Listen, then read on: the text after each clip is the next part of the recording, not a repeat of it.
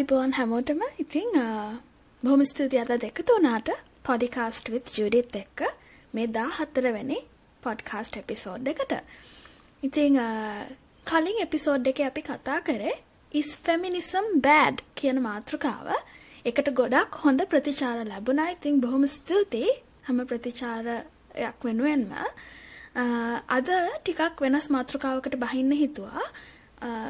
පහුගිය එපිසෝඩ්ස් දහතුන පුරාවටම අපි ටිකක් කතා කරේ කාලින මාතෘකාවලට සමගාමීව සහ ගොඩක් වෙලාවට එක එක විවිධාකාර ටර්ම්ස් දැන් ෆෙමිනිසම් වගේ ටර්ම් එකක් හඳුනලා දෙන්නේ කොහොමද ඒක කොහොමද අපේ ජීවිතයට සම්බන්ධ වෙන්නේ වගේ දේවල් තමයි. මේ කාලින මාතෘකා අතරේ අපි හැඟීම් කියන දේ එක්ක ගනුදෙනු කරේ ටිකක් අඩුවෙන්. ඉතින් අද ටිකක් හැඟීමකට සම්බන්ධ සහ ඒ හා සම්බන්ධ වෙච්ච චර්යාවක් කොහොමද අපිට ගලපා ගන්න පුළුවන් ජීවිතය සහ අපේ වෙනස් කරගත යුතු දෙයක් තියෙනවද කියන එක විපරම් කරන්න තමයි අද උත්සාහ කරන්නේ. ඉතින් අද මාතෘකාව selfless or people pleasing. ඉතින් ප්‍රශ්නයක් අහන්නේ ඔබෙන් selfless කියන්නේ තමන් ගැන ආත්මාර්ථකාමීව හිතන්නේ නැතුව අනික් අය වෙනුවෙන් ගොඩක් දේවල් කරන කෙනෙක්ට. ඒ කියන්නේ හැම දෙයක්ම තමන් වටා තමන්ව මේ ලෝකයේ කේන්ද්‍රය කර නොගෙන ඊටම පුළුල් ලෙස දේවල් බලන්න පුළුවන් කෙනෙක්ටයි selfless කෙනෙක් කියන්නේ. තමන්ගේ ජීවිතය සහ තමන්ගේ අභිප්‍රායන අරමුණු වලින් එහා දෙයක් ලෝකයේ තියෙනවා කියන තැනට එන්න පුළුවන් කෙනෙක්ටයි සෙල්ෆ්ලස් කෙනෙක් කියන්නේ. මෙත් එක්කම ළඟින් යන මාතෘකාවක් තමයි people pleasing. people pleasing කියන්නේ මිනිස්සු සතුටු කරන එක. එතකොට මේ දෙක කොහොමද සම්බන්ධ වුණේ කියලා ඔබට හිතෙනවා නම් මේක හරියට කාසික දෙපැත්තක් වගේ. එතකොට සෙල්ෆ්ලස් කිව්වම අපි අපි ගැන වැඩිය හිතන්නේ නැතුව අනික් අයත් එක්ක හිතන පරාර්ථකාමී කෙනෙක්නේ. ඒත් එක්කම people pleasing කියන්නේත් අනික් අය වෙනුවෙන් දේවල් කරන කෙනෙක්. නමුත් අනික් අයව සතුටු කරන්න කරන කරන දේවල්. එතකොට මේ දෙක ඉතාමත්ම ළඟින් යන්න හේතුව තමයි මේ දෙකම අනික් අයව තමයි අනික් අය කෙරෙහි තමයි තමන්ගේ ටෙන්ෂන් එක එහෙම නැත්තම් තමන්ගේ වෑයම දරන්නේ. එතකොට එහෙමනම් කොතනදිද මේක වෙනස් වෙන්නේ කියන දෙයි අඳුරගත යුතු. මේ ප්‍රශ්නය එහෙම නැත්තම් මේ මාතෘකාව තෝරගන්න විශේෂ හේතුවක් තියෙනවා. ඒකට හේතුව තමයි දැන් මේ කතා බහ අපි යොමු කරන්නේ ශ්‍රී ලාංකීය සමාජය වෙනුවෙන් නිසා මේ ආසියාතික සහ විශේෂයෙන් දකුණු ආසියාතික අපේ මේ ඉන්දිය අපේ සබ් කොන්ටිනන්ට් එකේ සවුත් ඒෂියන්ස් අපි අතරේ තියෙන ලොකු දෙයක් තමයි මේ අනික් මිනිස්සුන්ව සතුටු කරන්න ජීවත් වෙන එක. මං හිතන්නේ මම මේක කියද්දී මේක බොරුයි කියන්නේ කියලා කියන්න පුළුවන් කෙනෙක් ඉන්නවා කියලා. මොකද අපේ ජීවිතේ ගොඩාක් දේවල් අපි මේ අපේ සමාජයන් හැදිලා තියෙන්නේ අනෙක් මිනිසුන්ගේ අප්‍රූවල් එක හොයන්න. මොකක් හරි ළමයෙක්ව ඉස්කෝලේකට දාන තැන ඉඳන් ඔබ පොඩි කාලේ ඉඳන් මං හිතන ළමයෙක් හම්බ වෙන තැන ඉඳන් ගොඩක් වෙලාවට පුතෙක් හම්බ වෙනවා නම් හොඳයි දුවෙක්ට වඩා. එතන ඉඳන්ම අපිට මේ කන්ට්‍රෝල් කරන්න පුළුවන් නම් අනික් මිනිස්සුන්ව සතුටු කරන්න අපි කරන දේ දැන් හම්බ වෙන ළමයා ගෑන් ළමයිද පිරිමි ළමයිද කියන එක තීරණය වෙන්නේ ස්වභාව ධර්මයෙන්නේ. අපි ඒක විශේෂයෙන් ඒකට මේ විද්‍යාව ගාව නොගත්තොත් එතකොට ඒකත් අපිට පුළුවන් නම් පාලනය කරලා මේ පුතෙක්ව හම්බ කරගන්න අපි ඒකත් කරනවා. ඒ ඒ තරමට මේ අපේ සමාජය අනික් කෙනෙක්ගේ අප්‍රූවල් එක අනික් කෙනෙක්ව සතුටු කිරීම සඳහාම ජීවත් වෙන කොට්ටාශයක් බවට අපි පත් වෙලා තියෙනවා. අපි රස්සාවක් කරත් අම්මා තාත්තා කැමැත්ත හොයන්න ඕනේ. අපි කාත් එක්ක හරි ආදර සම්බන්ධතාවයක් පටන් ගත්තත් පවුලට නෑදෑයන්ට මේ ජෙනරේෂන්ස් ගානක එහා පැත්තේ ඉන්න අපි හිතමු කිසිම විදියකින් අපිට වැඩි සම්බන්ධයක් නැති මිනිස්සෙක්ව පවා අපි සතුටු කරන්න උත්සාහ කරනවා අපි විවාහ වෙන කෙනා කවුද කියන එක තීරණය කරද්දී. ඉතින් එතනින් එහාට විවාහපත් වුණාට පස්සේ හෝ ඒ කාරණා සිද්ධ වුණාට පස්සේ ඒ කෙනාව සතුටු කරන්න ඔවුන්ගේ පවුල සතුටු කරන්න ඊළඟට ළමයිව සතුටු කරන්න ඊළඟට අසල්වැසියන් සතුටු කරන්න. තමන්ගේ කමියුනිටි එක අපි හිතමු. අපි බෞද්ධාගමිකයෙක් නම් සිංහල කෙනෙක් නම් මුස්ලිම් කෙනෙක් නම් එතකොට ඒ අපේ අදාළ කමියුනිටි එකේ අය සතුටු කරන්න. මේ විදිහට අපේ මුළු ජීවිත කාලයම අපි අනික් අය සතුටු කරන්න දිය කරනවා වෙන්න පුළුවන් අන්න මෙතනදි තමයි මේක selfless behavior එකක්ද නැත්නම් purely සම්පූර්ණයෙන්ම people pleasing behavior එකක්ද කියන එක අපි තීරණය කිරීම ඉතාම වැදගත් වෙන්නේ. ඉතින් මේ කතා බහත් එක්ක සම්බන්ධ වෙච්ච කලින් එපිසෝඩ්ස් දෙකකුත් තියෙනවා ඔබේ ටෙන්ෂන් එක මං ඒ වෙනුවෙන් යොමු කරන්න කැමති. ඔබට වෙලාවක් තිබ්බොත් හෝ ඔබ බලලා නැත්තම් මේ වෙනකල් Uh, why should you say no කියන uh, මාතෘකාවත් මේකට සම්බන්ධයි ටිකක් ඒත් එක්කම no self care සහ how to protect your personal space කියන මේ එපිසෝඩ්ස් තුනම ටිකක් ළඟින් යනවා. ඒ නිසා uh, මේත් එක්කම ඒවත් ටිකක් ආයෙ බලන්න කියලා ආරාධනා කරනවා. ඉතින් කතාවට යමුනේ ඇයි කියන එක කිව්වනේ. කල්චරල් ඉම්පැක්ට් එක තමයි මෙතනදී මං වැඩිපුරම මේකට හේතුපාදක කරගත්තේ. අනික එක තමයි අපේ මේ තවදුරටත් ඒක ගැන ටිකක් කතා කරොත් අපි ග්ලෝරිෆයි කරනවා. එහෙම නැත්නම් අපි ප්‍රශංසා කරනවා. අපි එහෙම නැත්නම් වීරයන් වගේ අදහනවා මේ තමන්ගේ මුළු ජීවිතේම අනික් අය වෙනුවෙන් දිය කර හැරපු පුද්ගලයන්ව. අපි self sacrifice කියන එක හරියට මේ අගය කරන ජන සමාජයක්. නමුත් ඒ self sacrifice එක කරන මිනිස්සෙක් අපේ ඇත්තටම සමහර වෙලාවට ජීවිතේ ඉන්නවා. උදාහරණයක් වශයෙන් මට මගේ අම්මව ගන්න පුළුවන්. Tamanගේ ජීවිතේ ගොඩාක් ආශාවල් Tamanගේ අවශ්‍යතා ළමයින් Tamanගේ මහත්මයා පවුල් ඒ වෙනුවෙන් කැප කරපු කෙනෙක් මගේ අම්මා. නමුත් ඒ කරලත් සමහර වෙලාවට ඒ වෙනුවෙන් හොඳක් නොහාපු කෙනෙක් මගේ අම්මා. එතකොට අපි කොච්චර කිව්වත් මේ අපි මේ වගේ මිනිස්සුන්ට හරි ආදරෙයි අපේ සංස්කෘතිය මේ වගේ අයව අගයනවා කියලා ඇත්ත කතාව අපේ ජීවිතේ ඒ වගේ අය ඉන්නවා. නමුත් අපි ඒ අයව ගණන් ගන්නේ නැහැ. ඒගොල්ලන්ගේ පරිත්‍යාගය අපි ඒක taken for granted. අපි ඒක ආ එයා ඒක එහෙම තමයි. එයා ඒක කරනවා. කියලා අපි එයාගේ ගුණාංගයක් විදිහට ඒක නම් කරලා එතනින් අත පියදගෙන නිකන් ඉන්නවා. එතකොට සමහර වෙලාවට අපි මිනිස්සුන් සතුටු කරන්න උත්සාහ කරන්නේ අපි මේ හොයන්නේ අප්‍රූවල් එකක්. ඒ අය අපිව පිළිගැනීමක් සහ ගොඩක් වෙලාවට මේ වැලිඩේෂන් එකක් තමයි හොයන්නේ. ඒකවත් ලැබෙන්නේ නැහැ ගොඩක් වෙලාවට. එතකොට මොකද්ද තේරුම ඇත්තට මෙහෙම දේවල් කරන එකේ කියන එක ටිකක් ගැම්බරෙන් හිතන්න අවශ්‍යයි මේ ඉන්ට්‍රොස්පෙක්ෂන් එක ජීවිතයට අවශ්‍යයි. ඒ නිසා ටිකක් පොඩි වෙලාවක් හරි ගන්න ඔබේ ජීවිතේ මේ people pleasing behaviors තියෙනවද මේක පැටර්න් එකක් වෙලාද කියන එක තේරුම් ගන්න. මොකද ඒක පුරුද්දට ගියාට පස්සේ ඒක දිගටම කරගෙන යන්න පුළුවන් වෙනවා. ඉතින් කතා බහට ඔහොම යමුණාට පස්සේ මට තව දෙයක් කියන්න අවශ්‍යයි. මේ මේකෙන් මං අදහස් කරන්නේ ආත්මාර්ථකාමී වෙන්න කියලා. ආත්මාර්ථකාමී පුද්ගලයන් හරිම සමාජයට ඇත්තටම පිළිලයක්. මොකද තමන්ගේ ජීවිතේ තමන්ගේ සාර්ථකත්වය වෙනුවෙන් තව මිනිස්සෙක්ගේ සතුට තව මිනිස්සෙක්ගේ අයිතිවාසිකම පවා බිල්ලට දෙන්න පුළුවන් කෙනෙකුයි ආත්මార్థකාමී මිනිසෙක් වෙන්නේ. එතනදී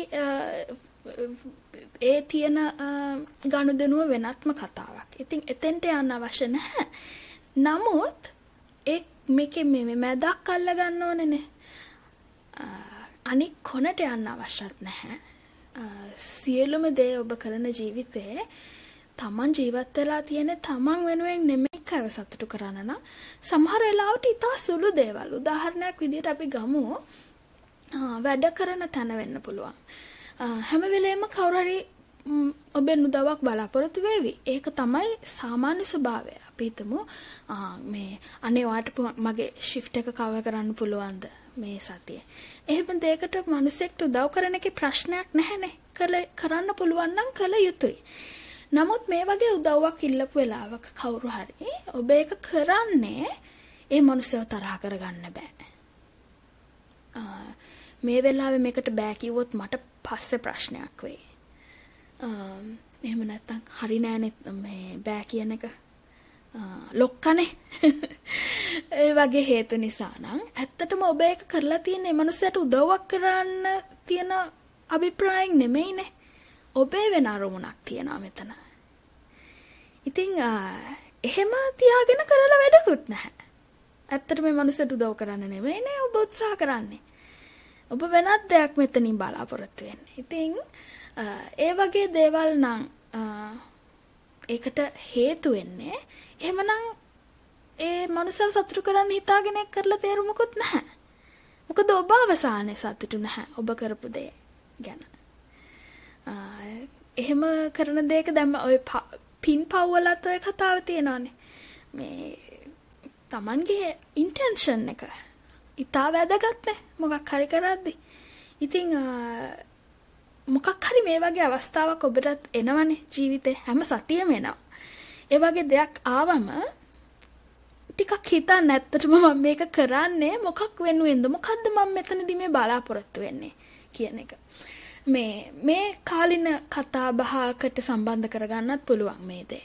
දැන් කොවිඩ් වසංගතය නිසා ලංකාවේ තත්ත්වය ඉතාම බරපතලයි මේ වෙලාවේ. මේ වගේ මේල් වෙලාවක අපි හිතමු ඔබ අඳුරන කෙනෙක් ඔබ යාළුවෙක් වෙන්න පුළුවන් මේ වෙඩින් එකක් ගන්නවා වෙන්න පුළුවන්. දැන් මේ 150කට ඉන්න පුළුවන් කියලා තියනවානේ. උත්සව ශාලාවක. එතකොට මේ අවස්ථාවේ මේක අනේක වැදගත්ද? දැන් ඔබ යනවා කියලා තීරණය කරොත් සමහර වෙලාවට ගොඩක් වෙලාවට හේතු වෙන්නේ හරි නෑනේ ගිය නැත්තම් තරහ වෙයි. මගේ එකටත් ආවනේ මං යන්න ඕනේ හින්දා අනිත් පැත්තට මේ ගනුදෙනු පියවනවා. ඉතින් මේ මේවා නම් හේතු ඇත්තටම පොඩ්ඩක් මොලේ කල්පනා කරන්න අවශ්‍යයි අපි මේ වෙලාවේ මිනිස්සුන්ගේ ජීවිත ඒක අනතුරේ දාලා අපි මේ මොකක්ද මහා පටු දෙයක් මේකෙන් බලාපොරොත්තු වෙනවා. සමහර වෙලාවට මේ මේ මං කියන්නේ බන කියන්න ඕනේ නැහැ ඒගොල්ලන්ට. මේක මේ කරන්න එපා මේ වෙලාවේ ඔයගොල්ලොත් වැරදීනේ මෙහෙම තියන එක. ඒකේ මනුස්සයන් තීරණය කරගන්න පුළුවන් ඒගොල්ලන්ට බුද්ධියක් කියලා දෙයක් තියෙනවා Tamange. තමන්ට එක්ක හොඳ සම්බන්ධතාවයක් තියෙනවා නම් ඇත්තට මේ වගේ දෙයක් කිව්ව කියලා තරහ වෙන්නේ නැහැ මිනිස්සු. ඉතින් කියන්න පුළුවන් අවකාශයක් තියෙනවා නම් කියන්න. නමුත් ඔබට පුළුවන් තීරණය කරන්න මේ වෙලාවේ මෙහෙම මේ යන එක හොඳ නැහැ.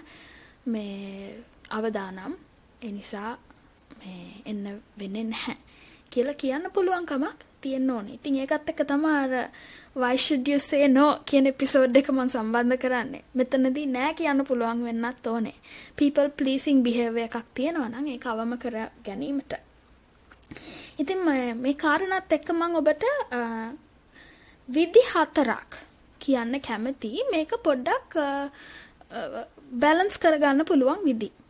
පළවෙනි දේ තමයි දැන් මේ people pleasing කියන දේ කරද්දි ගොඩක් අය බලාපොරොත්තු වෙන්නේ තව කෙනෙක්ගේ approval එකක්.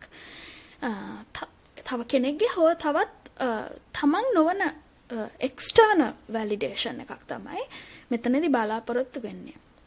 ඉතින් මම කැමති ඔබට යෝජනා කරන්න. මේ ඔබ කොයි වෙලාවෙ හරි මේ දෙයක් කරද්දී ඔබ එකපාරට හිතලා බැලුවොත් මේ කරන්නේ අම්මව සතුටු කරන්න තාත්තව සතුටු කරන්න මේ ඩිග්‍රී එක කරේ මොකටද තාත්තා සතුටු කරන්න. මේ මේ මනුස්සයා බැන්දේ මොකටද අම්මා සතුටු කරන්න. මෙහෙම හිතනවා නම් ඔබට ඉදිරියට ඔබේ තීරණවලදී මේ මගේ සතුට මොකක්ද මෙතනදී කියලා පොඩ්ඩක් ඉන්ටර්නල් වැලිඩේෂන් එකකට යොමු වෙන්න. හැමදේම ආත්මార్థකම් විදිහට මට ඕන දේ විතරක් මං කරන්නේ මං ගැන විතරයි මං හිතන්නේ කියන දේ නෙමෙයි මෙතන අදහස් කරන්නේ. මෙතනදී මේ දේ කරාම මමත් සතුටු වෙනවද? කොහොම කරත් ඔබ සතුටු වෙලා ඉන්න ඕනේනේ හැමදාමත් ඔබත් එක්ක ඉන්නේ ඔබ. මගේ සතුට මොකක්ද මෙතනදී? මේක මට මේ වෙලාවේ කරන එක අත්‍යවශ්‍යද මේක කොයි විදිහටද මගේ දැන් ඔබට කියලා ඔබේ ආශාවන් අරමුණු තියෙනවානේ. තව කෙනෙක්ට ඔබට තියෙන සීමිත කාලයක්. ඒ කාලයෙන් ඔබ තව කෙනෙක් වෙනුවෙන් යම්කිසි දෙයක් කරද්දී ඔබ මේ දෙන්නේ ඔබේ ජීවිතෙන් කොටසක්. මේක ඔබට ප්‍රශ්නයක් වෙනවද කියලා හිතන එක වැරද්දක් නැහැනේ. ඒ හින්දා ටිකක් මදක් නැවතීමේ තිතක් තියන්න. තියලා හිතන්න මේක ඇත්තටම මේ වෙලාවේ මට වැදගත්ද? කියන දේ. දෙවැනි කාරණය තමයි find a middle ground. මැදක් හොයාගන්න. මේක මං හිතන්නේ බෞද්ධාගමික යාළුවන්ට මගේ මේක 아무තු දෙයක් නෙමෙයි. මැදුම් පිළිවෙත කියන එක ආගමේ බෞද්ධ දර්ශනයෙම තියෙන දෙයක් නේ. මේ මැද හොයාගන්න කියනට ලේසි නැහැ නේද? මේ පොඩි හරි අවස්ථාවක් ආවම මේ people pleasing behaviors තියෙන අයගේ වැඩක් තමයි they go all out. තමන්වම දිය කරලා අරිනවා. සමහර වෙලාවට තමන්ට වැදගත් දෙයක් තියෙනවා. මේ වෙලාවේ වාට විභාගයක් තියෙන වෙන්න පුළුවන් තව මාසෙකින් විතර පාඩම් කරන්න තියෙද්දි නෑදෑගේ මල ගෙදරක යනවා. ඇයි? මුළු පවුලම කියන යන්න ඕනේ හරි නෑ. එතකොට මේ වෙලාවේ අවශ්‍ය ඔබට පාඩම් කරන්න තියෙන වෙලාව මේ. In don't go all out මැදක් හොයාගන්න. කියන්න පුළුවන් හරි මං එන්නම්. හැබැයි මං පැය දෙකකින් ආපහු එනවා. කමක් නැද්ද? ඔබවත් ඇතුළත් ඇතුළත් කරන්න මෙතනදී. අර කාර්යාල මේ සම්බන්ධතා එක්කත් කියන්න තියෙන්නේ ඒකයි. කවුරුහරි හිතමු කිව්වයි කියලා ආට පුළුවන් ද මේ වැඩ ටික මට කරලා දෙන්න මේ මට මෙහෙම හදිස්සියක් තියෙනවා කරගන්න බෑ. දැන් මේක පුරුද්දකට තියාගන්නත් පුළුවන් සමහර වෙලාවට. හින්දා ඔබට කියන්න පුළුවන් හරි මම මේකට උදව් කරන්නම්. හැබැයි මට මෙන්න මේ කොටස විතරයි කරන්න පුළුවන්. කමක් නැද්ද? ඔබ මං කී මං හිතනවා ඔබට මං කියන දේ තේරෙනවා ඇති කියලා. Find a middle ground. Include you as well. තුන්වෙනි කාරණය delay. වෙලාව ගන්න. මොකකට හරි උත්තරයක් දෙන්න වෙලාව ගන්න. මේ personal growth හා professional growth කියන තැනට මම මේ කතා බහ ගොඩක් කලාවට සම්බන්ධ කරන නිසා මෙන්න මේ ෆ්‍රේස් එක මේ මේ පොඩි දෙයක් මම දැන් කියන්නම් මේක ඔබේ ව්‍යවහාරයට අත්‍යවශ්‍යයි මේක තියාගන්න ළඟ let me get back to you මට පොඩි වෙලාවක් දෙන්න මම අට කියන්නම් මේක කරන්න පුළුවන්ද බැරිද කියලා let me get back to you මෙන්න මෙතනදී ඔබ මේ කාලයයි ඔබ ගන්නේ යම් කිසි දෙයක් තීරණය කරන්න. එහෙම නැත්නම් අපි ගත් කටටම සමහර වෙලාවට දේවල් වලට හා කියනවා. නමුත් අපි බලනකොට අපිට පැය 24ත් මදි මේ හා කියපු දේවල් කරන්න. ඉතින් අර පොඩි වෙලාවක් ගත්තත් අපිට කියන්න පුළුවන් ආනේ කරන්න විදිහක් නැහැ. මම මෙන්න මේ මේ මේ වැඩ ටික දාගෙන තියෙනවා. ඔබට හේතු දීම අවශ්‍යත් නැහැ. ඔබට කියන්න පුළුවන් සමා වෙන්න මට මේක කරන්න විදිහක් නැහැ. මගේ මේ කොන්ෆ්ලික්ට්ස් එනවා. මේ මට වැඩ ටිකක් තියෙනවා. හින්ද කර කරගන්න විදිහක් නෑ සමා වෙන්න. මේ බලමු වෙන වෙලාවක හරි උදව් කරන්න දැන්නම් බැහැ. කියන්න පුළුවන් වෙන්න ඕනේ. හතරවෙනි කාරණය. මේක ටිකක් කොන්ට්‍රවර්ෂල් වෙන්නත් පුළුවන් කාට හරි. ඒ වුණාට නමුත් කිවිය යුතුයි කියලා මට හිතුණා. තෙරපි කවුන්සලින් සයිකොලොජිකල් තෙරපි වලට යන්න. මේකට කියන්න මගේ විශේෂ හේතුවක් තියෙනවා. මම um, සයිකලෝජිස්ට් කෙනෙක් හෝ මේ මනෝවෛද්‍ය උපදේශකයෙක් නෙමෙයි.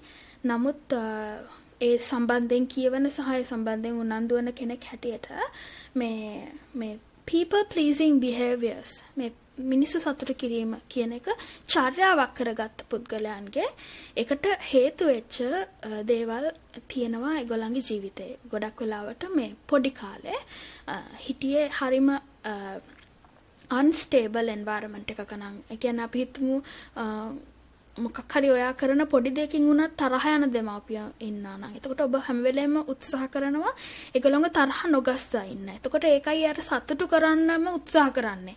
මේ මේ walking on eggshells හැම වෙලේම නිකන් අර බිත්තර කට්ටක් උඩ ඇවිදිනවා වගේ කරන්න අමාරුයින් හරි පරිස්සමෙන් කරන්න ඕන දේවල් ඒ තරමට හැම දෙයකින්ම පරිස්සමෙන් හැමෝම සතුටු කරගෙන කාගේවත් මේ මේ කව තවුස ගන්න නැතුව වැඩ කරන්න උත්සාහ කරන්න අපි මෙන්න මේ වගේ පරිසරයන් වලින් ආපු නිසා.